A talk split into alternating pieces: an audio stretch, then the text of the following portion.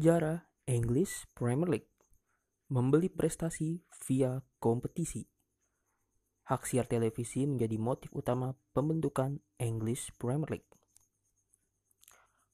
Uang memang memiliki pesona luar biasa. Ini pula yang ternyata menjadi motif utama pembentukan Premier League pada 1992.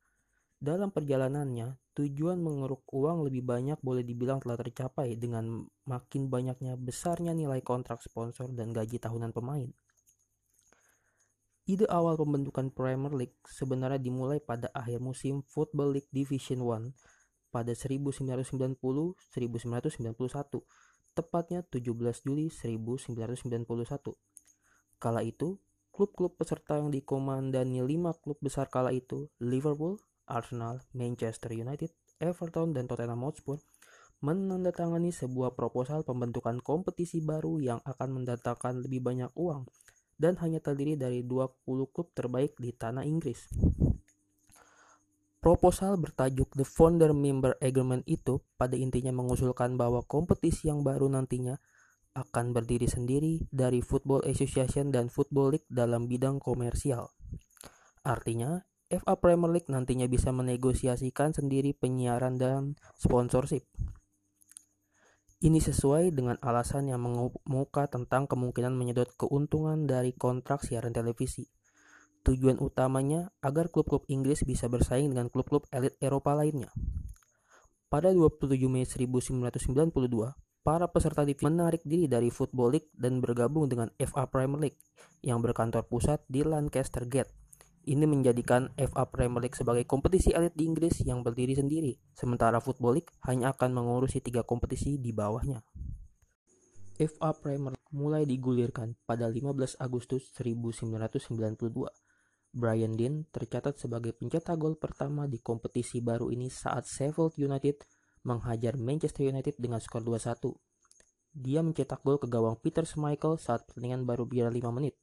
Format kompetisi yang digunakan belum berubah dari format yang digunakan pada Football League Division 1 pada musim sebelumnya, baik pada jumlah klub anggota yakni 22 klub dan juga sistem promosi degradasi.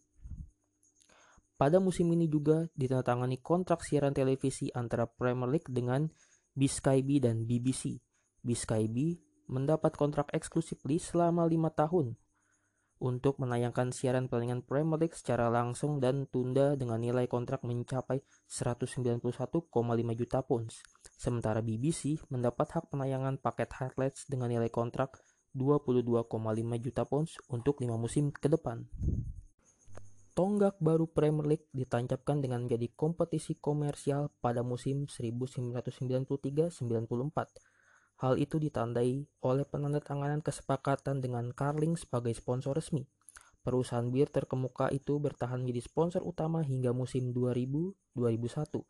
Alhasil, dari musim 92-93 hingga 2000-2001, nama kompetisi pun menjadi FA Carling Premiership. Pada musim ini pula, untuk pertama kalinya, klub Premier League menjadi juara di ajang antara klub Eropa saat The Gunners Arsenal mengalahkan AC Parma di final Piala Winners. Musim 1994-95, Premier League mulai menarik minat para bintang dunia. Gelombang pertama bintang asing yang mengadu nasib di tanah Inggris ini ditandai kedatangan Dennis Bergkamp yang dikontrak di Gunners Arsenal dan Jurgen Klinsmann yang diboyong Tottenham Hotspur dari klub Prancis AS Monaco. Nama-nama lain yang masuk pada musim ini adalah George Popsiu, Mart Hotiger, serta Lucas Radebe dan Anthony Yeboah untuk Leeds United. Mereka ternyata menjadi daya tarik tersendiri dan terbukti bisa establish. Bisa dibilang, inilah tonggak dominasi pemain asing di Premier League. Buktinya, pada akhir musim ini, Jurgen Klinsmann terpilih sebagai pemain terbaik Premier League. Ini adalah sejarah baru karena dia menjadi pemain asing pertama yang merangkul gelar prestisius itu. Dalam empat musim kemudian, gelar itu jatuh ke tangan pemain asing. Musim 1995-96 menjadi perubahan sistem kompetisi dimulai dengan pengurangan anggota Premier League dari 22 klub menjadi 20 klub. Mekanismenya, 4 klub terbawah pada musim 94-95 terdegradasi ke divisi Championship. Tempat mereka diisi oleh dua klub yang promosi dari divisi Championship. Pada musim ini, dominasi Manchester United yang pada dua musim sebelum menjadi juara Premier League runtuh oleh tangan Blackburn Rovers di bawah Kenny Dalglish. Musim 1996-97, Middlesbrough menjadi fenomena menarik pada musim ini. Pada awal musim, The Borough mengangkut para pemain asing berkualitas semacam Emerson, Fabrizio Ravanelli, Branco, dan Gianluca Vesta. Namun, dana jutaan pound tersebut untuk mengangkut para pemain ternyata sia-sia karena Middlesbrough justru terdegradasi pada akhir musim. Kompetisi sendiri berjalan sangat ketat hingga akhir musim. Manchester United yang kembali juara untuk keempat kalinya unggul dengan nilai akhir 75 dan tiga klub di bawahnya memiliki nilai sama 68. Tempat kelima sendiri ditempati Aston Villa. Rangkaian posisi ini memang berbeda dengan musim-musim sebelumnya. Namun memiliki lima klub yang berada di lima besar, United, Newcastle United, Arsenal, Aston Villa, dan Liverpool. Ini adalah pertama kalinya lima besar dihuni oleh lima klub yang selama selama dua musim berturut-turut. Musim 1997-98, BSkyB dan BBC kembali memperpanjang kontraknya sebagai pihak yang berhak melakukan tayangan eksklusif Premier League. Nilai kontrak keduanya untuk jangka waktu 4 musim ke depan, dimulai dari 9798 hingga 2000-2001 meningkat dari sebelumnya. Untuk memperpanjang hak siaran langsung dan siaran tunda, BSkyB mengucurkan dana 670 juta pound, sedangkan BBC mengeluarkan dana 73 juta pounds untuk hak pembuatan dan penayangan paket highlights Premier League. Pada musim 1998-99, gengsi Premier League kian menguat di tanah Eropa dengan keberhasilan Manchester United meraih gelar juara Liga Champions. Mereka mengalahkan Bayern Munchen pada partai final yang digelar di Stadion Camp Nou, Barcelona. Ini adalah pertama kalinya klub Premier League menjuarai turnamen paling bergengsi di kancah antar klub Eropa tersebut dan sekaligus Manchester United meraih treble winner pada musim tersebut.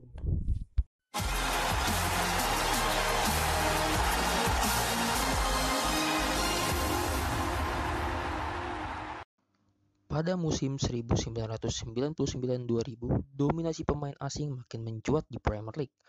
Hal itu makin terlihat saat Chelsea membuat sejarah, bertandang ke Stadion The Dell milik Soton pada 26 Desember 1999 The Blues menurunkan starting eleven yang semuanya berstatus pemain asing.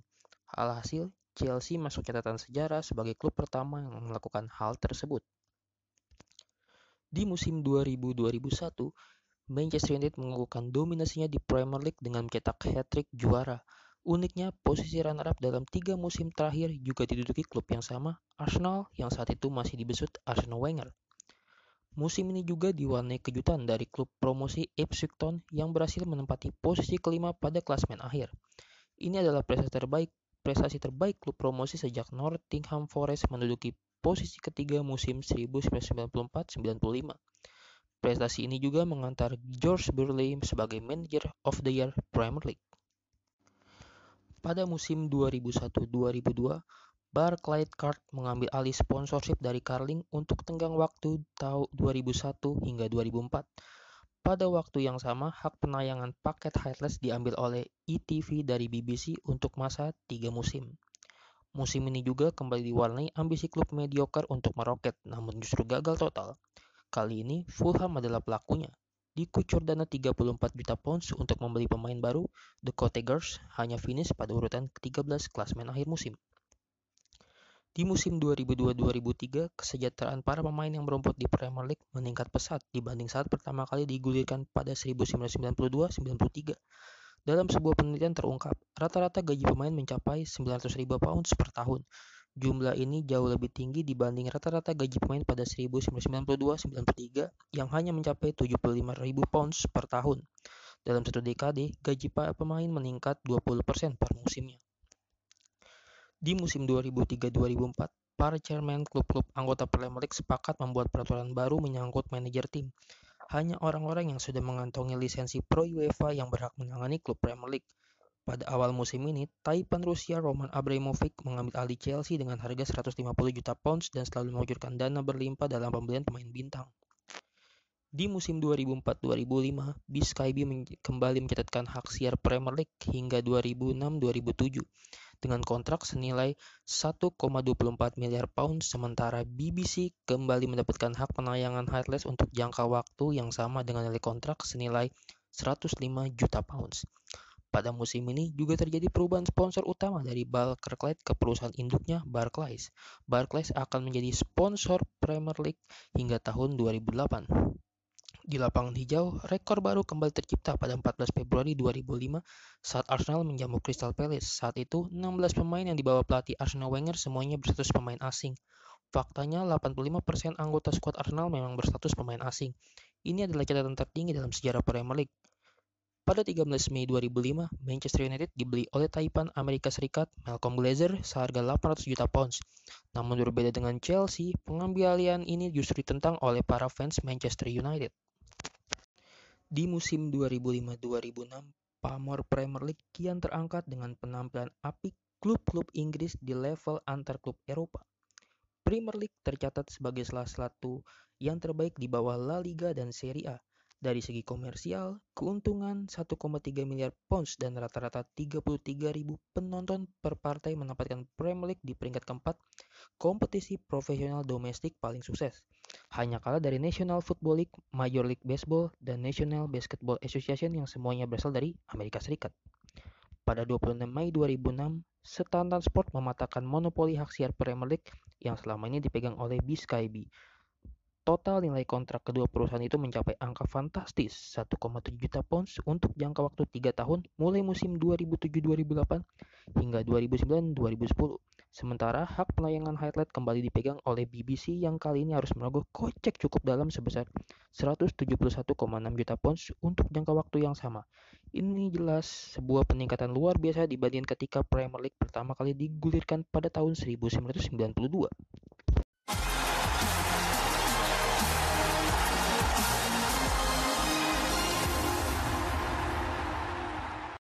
Klub-klub Premier League kian menunjukkan dominasinya di kompetisi Eropa terutama Liga Champions. Terbukti dari tahun 2005 hingga 2009, klub-klub Premier League selalu berada pada partai final. Di tahun 2005, Liverpool tampil dalam partai final melawan AC Milan di Istanbul. Saat itu Liverpool keluar sebagai juara Liga Champions 2004-2005.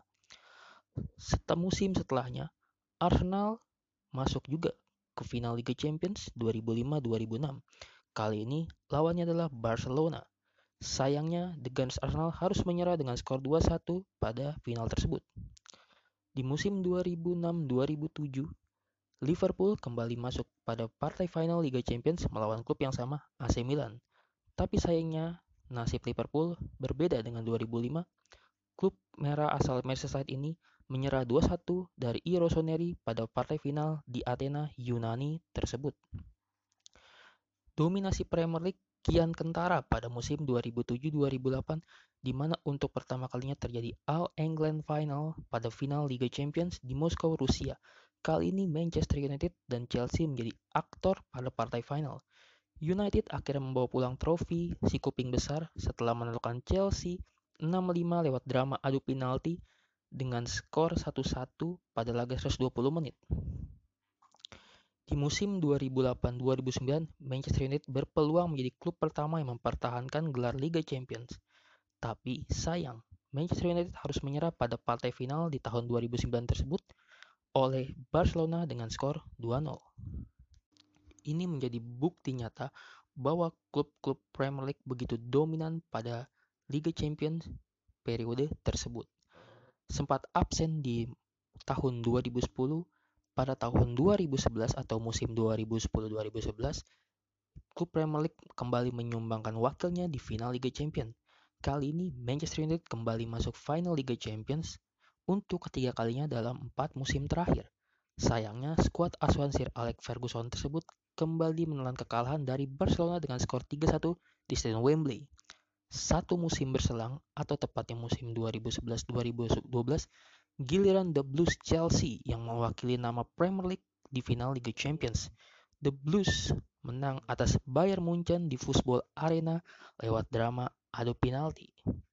Ini menjadi gelar pertama Chelsea dalam sejarah Eropa tersebut.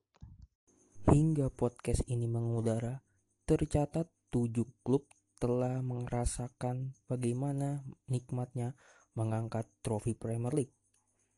Manchester United, Liverpool, Arsenal, Chelsea, Leicester City, Blackburn Rovers, hingga Manchester City telah merasakan indahnya trofi Premier League untuk diangkat. United tercatat sebagai klub terbanyak yang mengolesi gelar Premier League dengan 13 trofi, diikuti Chelsea dengan 5 trofi, Manchester City dengan 4 trofi, Arsenal dengan 3 trofi, Blackburn Rovers dengan 1 trofi, Leicester City dengan 1 trofi, dan yang terbaru pada musim 2019-2020, Liverpool dengan trofi pertama dalam sejarah Premier League-nya. Jadi, menurut kalian, siapa juara Premier League pada musim depan?